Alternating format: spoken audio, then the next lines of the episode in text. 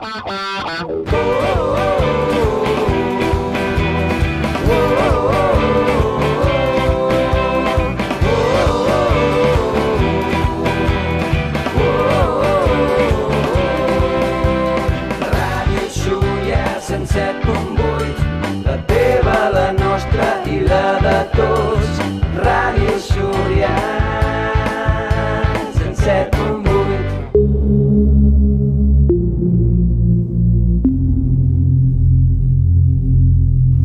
recorda, Cada divendres a Ràdio Súria, Fórmula Gian, de 7 de la tarda a 9 del vespre. amb el gran Àngel Gian.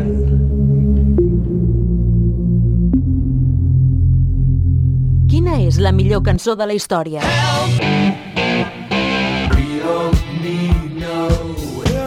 Descobreixo a Rock and Classics.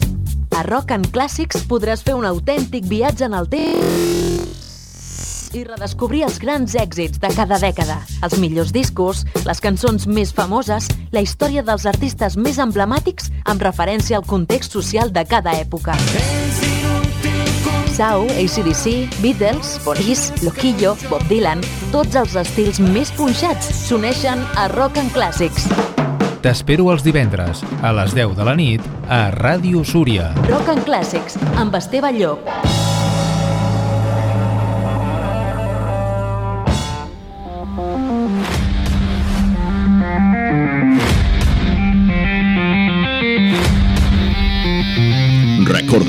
Cada dilluns de 7 i mitja a 9 del vespre tens una cita esportiva amb Súria Esports.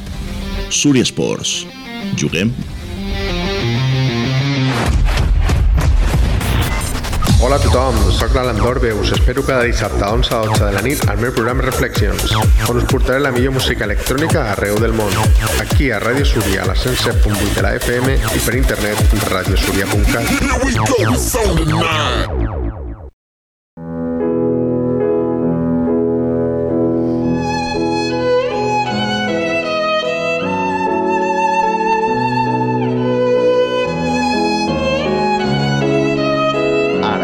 comença Històries de Súria, el programa que ens farà viatjar en el temps per conèixer la història de Súria, del nostre entorn, dels nostres avantpassats i de tot el que té a veure amb el nostre poble en la seva història, que és la nostra història, no ens oblidem. Dirigit per l'Àngel Gian, copresentat per Robert Fàbrega i l'Àngel Gian.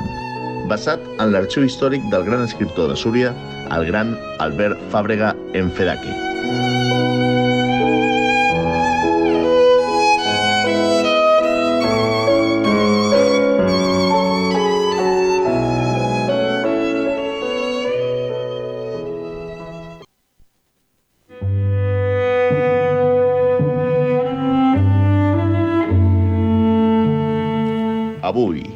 Històries de Súria, parlarem de...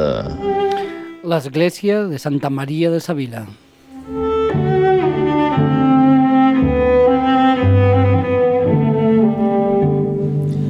Molt bona tarda, Albert. Hola, bona tarda. Un nou, nou capítol, una nova història de Súria, aquí a Històries de Súria. Tot bé? Sí, sí, sí. sí. Tot bé, anem bé, anem marxant. Anem marxant, cada M'alegro dia més joves tots. Així m'agrada. I a més a més amb aquesta temperatura tan hivernal, sí? no? No, ara, ara portem uns dies bons. Això, això, això no és normal, això no és normal. No, no, no. pues anem cap a la història, anem a conèixer una mica més la nostra història, la, nos- la història de Súria. Eh, com dèiem bé al principi, l'església de Santa Maria de Savila. Què és? Bé, eh, l'església Santa Maria Savila no en queda res eh, visible. Eh? Eh, estava, tot indica que estava el que és actualment la plaça de Santa Maria, el, bueno, doncs a la pujada de, de la colònia, al carrer Santa Bàrbara. Eh, per, és dir, el que tenim són mm, relativament forces notícies documentals d'aquesta església, d'un petit monestir que hi va haver allà. I mm, durant, a partir d'un cert moment eh, en què apareix al costat eh, una església, una petita església dedicada a Santa Anna, es crea des de llavors una certa confusió entre, diguem, les dues esglésies, no? Mm, de si realment Santa Anna era Santa Maria o no, o la va substituir, però tot sembla indicar que no, és dir, Santa Maria estava situada a lo que seria la plaça, o sigui, estrictament la plaça seria el que es diu la sagrera del temple, és a dir, el, el lloc sagrat, els, els 30 passos al voltant de l'església, que eren doncs, eh, lloc de protecció eclesiàstica, en teoria un espai inviolable, i eh, el Santana doncs, és una mica més eh, en direcció més al nord, ja apartada de la plaça, i de Santana sí que queden unes poques restes, uns murs que eh, fa uns anys doncs, es van excavar i restaurar. Eh, a banda de les notícies documentals, que ara comentarem una mica, el que sabem del que seria aquesta antiga sagrera de Santa Maria és que cada vegada que s'han fet obres mm, doncs, a la plaça o a l'Avinguda Santa Bàrbara han sortit ossos, eh, ossos humans. No? Eh, per exemple, a l'any 86 eh, Telefònica va fer unes rases, unes obres eh, al carrer per soterrar cables i van sortir mm, molts ossos humans. No? Eh, més tard, a l'any 1999, en unes obres d'ampliació d'una de les cases de la plaça doncs també va sortir eh, una, les restes eh, d'una tomba de lloses i el crani, doncs, un crani humà, no? Per tant, sembla bastant clar que la plaça mm, era el, la sagrera, o el que podríem dir el cementiri d'aquesta església. No? Eh, documentalment, què en sabem? Uh, bueno, la primera notícia que tenim de l'església de Santa Maria Savila és de l'any 1033, eh, en què un document que moltes vegades hem esmentat per altres causes, doncs parla d'aquelles esglésies que són anomenades en honor de Santa Maria i Sant Pere i aquelles cases que són al seu voltant. Santa Maria, és bastant clar que era Santa Maria Savila, Sant Pere era doncs, Sant Pere del Puig, on els últims anys allà a les Guixeres hem estat, s'ha estat excavant. No? Uh, després, a partir d'aquest moment, a partir de l'any 1033, seguim trobant uh, notícies de l'Església, per exemple, a l'any 1142 trobem una altra notícia en què esmenta l'església de Santa Maria d'aquella vila, mm? El 1195 tornem a trobar, en aquest cas, és una deixa testamentària eh, doncs, en què eh, una persona fa un llegat testamentari a l'església de Santa Maria Savila. No? I, I encara, el 1205, doncs, mm, trobem un altre llegat testamentari a Santa Maria eh, de Vila. Mm? Eh, també hi ha des de, si no des de bon començament, des de molt antic, Santa Maria tenia un altre altar dedicat a Sant Bartomeu, de manera que a vegades apareix com Santa Maria i Sant Bartomeu. El fet potser més rellevant mm, respecte a aquesta església és que estava associada o acompanyada d'un petit monestir mm, eh, amb, en el moment més, més eh, àlgid, diguem, hi havia cinc o sis persones, no més, o sigui, sempre va ser molt petit, però eh, d'aquest n'hi ha una notícia molt clara, en aquest cas de l'any 1292, en què el rei Jaume II eh, confirma els privilegis que el seu pare eh, havia eh, donat doncs, al monestir de Santa Maria Savila. Mm? Eh, clarament diu eh, que el, el seu pare, el rei, el rei Pere, mm, quan era mm, encara s'anomenava infant, és a dir, encara no era rei, diguéssim, era l'hereu a la corona, però encara no ho era, mm, eh, doncs rebia sota la seva protecció i custòdia, eh, la prioresa i monges de l'Hospital de Santa Maria de Vila, construït al terme de Súria. És a dir, el rei posava sota la seva protecció l'hospital, al monestir, amb eh, les monges, era un monestir femení, no? amb les monges i eh, la prioresa del, del monestir. Mm?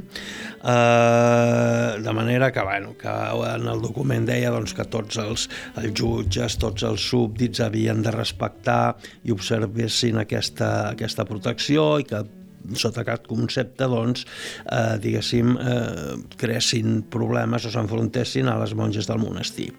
Això va ser l'any 1292. Mm?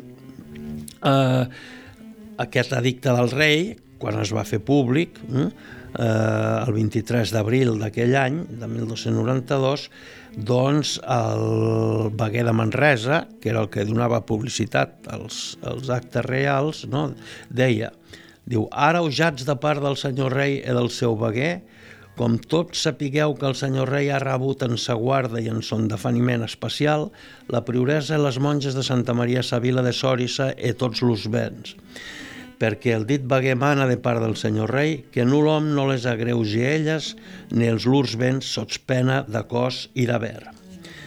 Eh, D'acord amb diferents historiadors, mmm, creuen que el monestir, no l'església, l'església és anterior, ja hem dit que hi ha notícies de l'any 1033, creuen que el monestir i l'hospital es va fundar entre el 1267 i el 1270, eh? uns més o menys, uns 200 anys més tard que eh, l'Església. Ja a partir d'aquest moment doncs, les notícies comencen a ser abundants, no? hi ha eh, en el segle XIII hi ha un plet una mica curiós eh, perquè, mm, a veure, les sagreres de les esglésies, els espais protegits, no només allotjaven el cementiri, no només allotjaven, diguem, els difunts, no?, les tombes, sinó que també eh, s'hi guardava allà amb sitges doncs, els grans, eh, les collites de vi, els productes i s'hi feien les cases perquè era una àrea doncs, en què, en una època doncs, de, molt violenta en general, doncs garantia, diguem, una, en teoria, almenys sobre el paper i amb la llei a la mà, garantia una protecció. Què passava? Clar, les sagreres mmm, no eren excessivament grans, eh, eren això, 30 passes eh, al voltant de l'església, les passes, eh, bueno, depèn de com es comptin, però més o menys les 30 passes vindrien a equivaler a uns 21 metres. Per tant, estem parlant d'una circunferència, d'un cercle d'uns 20-21 metres de radi. No? Si en aquest espai doncs s'hi ha de situar eh, el cementiri, s'hi ha de situar els, els magatzems, les sitges de gra, eh, dipòsits d'oli, de vi, eh, cases, eh, doncs aviat la cosa eh, queda doncs, molt atapeïda. No? Això portava problemes fins al punt doncs, de que les cases es tocaven, es tocaven a l'església, eh, envaïen els sostres o les parets, envaïen eh, cases o veïnes o fins i tot l'església. Total, que en un moment donat, al segle XIII, una de les cases doncs, té un plet amb eh, la prioresa de, del monestir en què eh, la priora doncs, diu que la casa aquella hi ha un sostre que està per sobre de l'església, que a més a més una paret tapia una finestra de l'església i vol que la facin enderrocar. Eh, el de la casa diu que la casa era anterior al, al monestir i a l'església i que per tant va ser diguem l'església que es va fer posteriorment. En fi, hi ha un plet, eh, un litigi doncs, per aquest tema que al final, doncs, eh, evidentment, o, bueno, no sé si evidentment, però vull dir, al final el bisbe ordena doncs, que s'ensorri la paret aquella i que es desbloquegi la finestra de l'església i que es tregui el sostre que hi havia sobre o que envaïa part de les construccions. Eh, en aquest sentit no hi ha dubte que allà doncs, hi havia una església dedicada a Santa Maria i a Sant Bartomeu que hi havia eh, unes monges, un petit monestir, que hi havia un hospital, eh, eh, això està ben documentat. Eh, què passa amb això? Doncs que a partir d'un cert moment És dir, les notícies fins al segle XVI doncs encara hi han eh, llegats a l'església de Santa Maria, encara se documenta, però a partir del segle XVII, eh, eh, sobretot a, de la segona meitat del XVII, a finals del XVII i ja en el XVIII, l'església que s'esmenta ja no és Santa Maria, sinó que és eh, Santana. Llavors, com que eren molt a prop i que en algun moment donat doncs sembla ser que Santana va substituir la de Santa Maria, que segurament ja estava, el monestir s'havia abandonat, havia quedat amb, amb ruïnes, en fi. Eh, al ser tan a prop, doncs resulta que es comença a crear una confusió entre les dues esglésies, fins i tot entre els capellans, entre els eclesiàstics, perquè, per exemple, eh, la primera notícia de Santana, que és de l'any 1693, és d'una visita pastoral en què el visitador, ja en un altre programa vam parlar de les visites pastorals, no?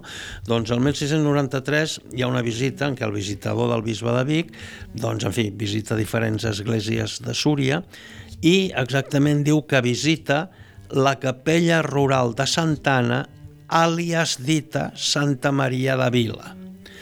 És a dir, en aquells moments el visitador interpreta que és la mateixa església, és a dir, que Santana i Santa Maria són la mateixa església, no?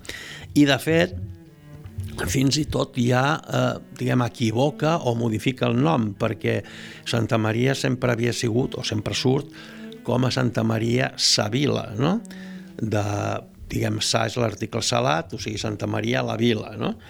Eh, en canvi, en el visitador no diu Savila, sinó diu d'Àvila o d'Àvila, inclús l'accentua com Àvila, com la ciutat d'Àvila, i enganxa la D, o sigui, d'Àvila, no? Amb la qual també ja es va perdent fins i tot el, el nom, no? Bé, eh, més endavant, eh, a partir d'aquest moment, pocs anys després, el 1708, en una altra visita, ja s'anomena Santa Maria de Àvila. O sigui, Savila, d'Àvila, d'Àvila, és a dir, cada cop el nom doncs, va, va canviant, no? però fa referència a Santana altra vegada, és a dir, a partir d'aquell moment les dues esglésies es, es confonen. Igualment perquè probablement és cert que Santana va substituir Santa Maria perquè a Santana també hi ha un altar a Sant Bartomeu que ja hi era Santa Maria, per tant, bueno, molt probablement, doncs, i de fet, bueno, doncs, com més sabut, Santana era la mare de, de la Mare de Déu, de, de, de Maria, no? Bé, el 1753 es torna a situar com a Nostra Senyora d'Àvila, ara no s'especifica si és Santana o Santa Maria, ara ja simplement és Nostra Senyora d'Àvila, però no enganxat. Eh? I el 1764 un altre cop Santa Maria d'Àvila, i ja llavors es diu que la capella està pròxima a derruir-se i caer-se. Mm? Uh, però segur que s'està fent referència en aquests moments a la de Santana. Bé, uh, què passa al final amb, amb aquesta església i amb ja diguem, amb Santa Maria està clar que desapareix probablement a finals del segle XVI, primers del XVII, que és substituïda per eh, Santana, però Santana també acabarà desapareixent. Mm? Eh, dura més perquè durant tot el segle XVIII i fins i tot, tot XIX doncs, hi ha referències a, a Santana. El primer diguem, moment en què ha l'església ja la de Santana, eh, allà a la zona de Santa Maria, deixen de funcionar, eh, és eh, quan es produeixen a, a mitjans del segle XIX quan es produeixen les diverses desamortitzacions que hi ha, és a dir, eh, la venda la, la, diguem, de, de les propietats de l'Església, N'hi ha vàries, la més coneguda per tothom és la de Mendizábal, no? però n'hi ha durant bastants anys ha tot un seguit de desamortitzacions en què eh, es van incautant els béns de l'Església, passen a diferents organismes públics i finalment es posen, se subasten eh, en pública subhasta doncs, per qui els vulgui comprar. No? Doncs bé, una d'aquestes desamortitzacions eh, eh, dels anys 1855 i 1856 doncs van sortir a la venda mm, tota una sèrie de, de finques i de béns de l'església Súria, no? n'hi ha, ha bastantes. Quan llavors a Súria doncs, el castlà era eh, el Santuari del Miracle, per tant, diguem, eren els propietaris d'aquelles finques. No? N'hi ha vàries, hi ha horts, hi ha diferents terres, i una de les peces que surt a subhasta, a la desamortització, diu, eh, llegeixo textualment, diu, unas tierras en cultivo plantadas de viña y olivos en el indicado pueblo de Suria y partida llamada de Santa María. Eh? Bla, bla, bla, dona les terminacions, que són diferents cases doncs, de, de Santa Maria, Diu per la subhasta que la finca és indivisible, que a la subhasta doncs, la finca s'ha tassat amb 17.000 rals i que el preu de sortida de la subhasta són 17.100 rals. N'hi ha diverses més. Eh, finalment, eh, aquesta finca eh, eh, la compra eh, la compra per 4.275 mm, pessetes eh, eh, la va comprar eh, un Josep, un Balaguer, Josep Balaguer i Massaners, eh, per 4.275 pessetes. Aquesta finca, eh, pocs anys després, ja ha entrat al segle XX, l'any 1906, es van vendre les mateixes terres per 4.500 pessetes, la mateixa finca, no va variar massa el preu. Però el 1918, quan la Solvay va fer, doncs, va comprar les terres per fer el, el barri de la colònia, doncs ja se'n van pagar d'aquesta mateixa finca, se'n van pagar 30.000 pessetes. És a dir, en aquests 12 anys, entre 1906 i 1918, Bé, suposo que el preu, evidentment, des del moment doncs, que, que s'hi va interessar l'empresa minera per fer, per fer les cases, doncs, evidentment, el preu ja ràpidament es va, es va multiplicar. Mm? Bueno, com deia al principi, eh, a banda de les, diguem, de les notícies documentals i de, les, de la presència aquesta de, de que cada vegada que allà s'ha fet alguna obra o un forat doncs han sortit restes humanes, han sortit ossos, no? Doncs bueno, és bastant clar que, que allà hi havia aquest, aquest nucli religiós doncs, de l'església, eh, el monestir, l'hospital. Mm, bé, si mai, estem en una zona urbana, no? però si mai doncs, aquella plaça es reurbanitza o si fa alguna actuació important d'urbanització, doncs està bastant clar que s'haurà de fer allà una intervenció arqueològica per veure doncs, què en surt, no? aprofitant quan hi hagin, si es fa mai, doncs, reformes urbanes en aquell sector.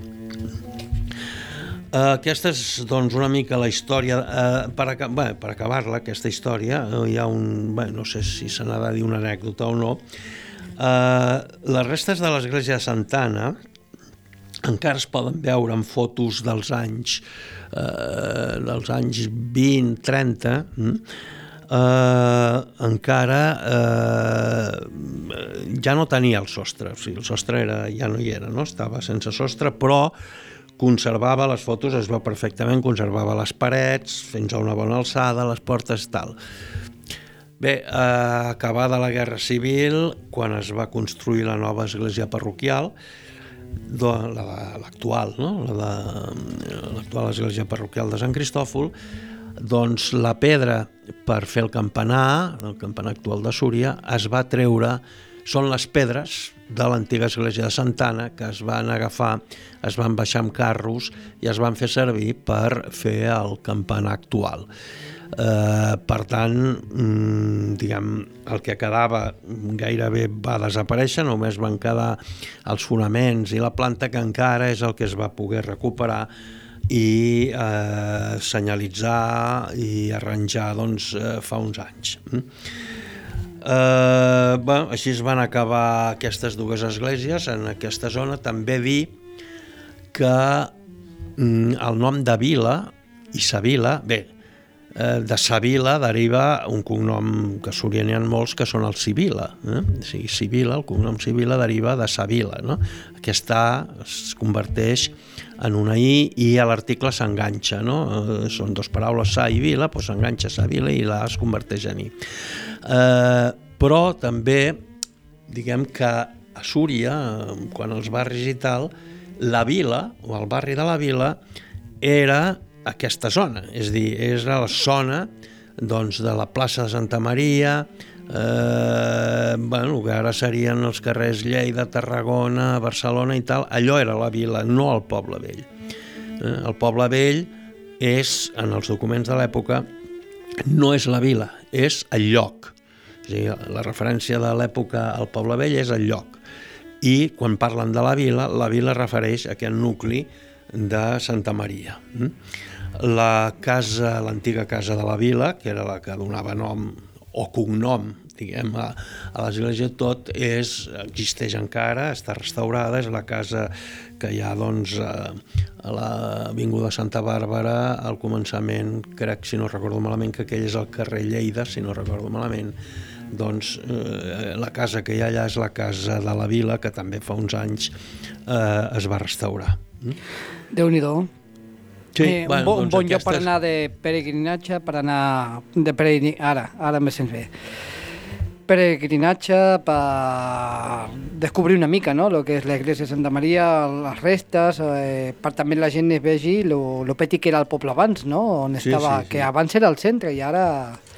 Sí, bueno, era, diguem, eren eh, abans, diguem, de tot el que, diguem, els dos nuclis, quan d'allò, doncs, el nucli gran, per entendre'ns, doncs era el poble vell, que era el lloc, que era al voltant del castell i el que era l'església parroquial, però després l'altre nucli, el que, no sé, l'altre barri, per entendre'ns, era el de la vila, el de Santa Maria la Vila. Vull dir, no n'hi havia fins que no van aparèixer els ravals, al segle XVIII que va començar el raval de Sant Jaume, eh, doncs eren els dos nuclis, els dos únics nuclis urbans, diguem, de Súria. eh? El que passa que el poble vell, doncs, evidentment, era més gran, més carrers, més, més cases, però bueno, allà doncs, hi havia mm, mínim documentades ja des de, des de molt antic doncs quatre o cinc cases segur al, al sector aquest de, de Santa Maria Savila. Déu-n'hi-do. Déu-n'hi-do. I, mm, I clar, l'església ara, la, l'església ara que tenim aquí a la, la, la principal, no? La que tenim La aquí. a- parroquial, sí. La parroquial. Eh, aquí, aquí, aquesta quin paper eh, tenia en aquella època? Bueno, no, aquesta no existia, aquesta Per església... això, per això, vull dir que no és... Sí, que sí. sembla que és molt, molt, molt, molt, però no és del 1700. Aquesta església, és del la, la d'aquí vas, la parroquial, es va fer acabar de la Guerra Civil eh, als anys 40. Per això que la gent no es pensi que també és Sí, sí. mil·lenària, És no, és, dir, mil·, la- no és del la- 1700 com aquestes dues que hem parlat, no? La, la parroquial era la del Poble Vell, l'actual del Roser, que era eh, que quan es va portar la parroquial aquí baix, doncs eh, l'advocació d'aquí baix va ser Sant Cristòfol i allà es va canviar, que havia sigut sempre Sant Cristòfol, i se li va donar l'advocació del Roser, no? però era la parroquial.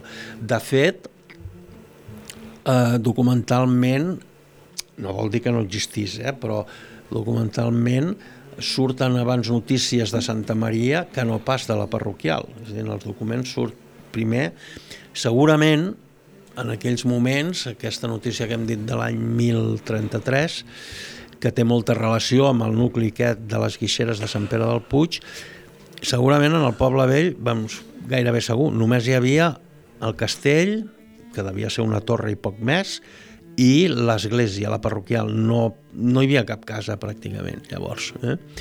I, en canvi, sí que ja hi havia cases eh, en un sentit, diguem, urbà del terme, no? agrupades, tant a la vila, a Santa Maria, com a Sant Pere del Puig. No?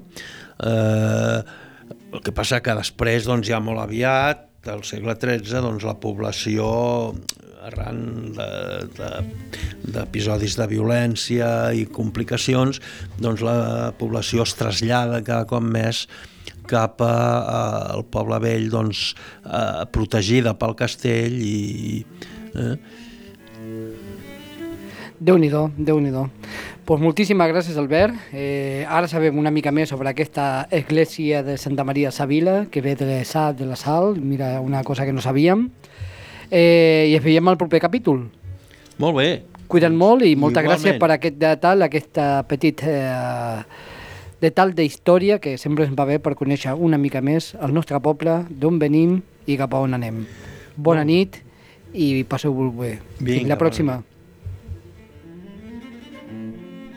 Això és Ràdio Súria. Ens pots sentir per la 107.8 de la FM o per internet a radiosúria.cat.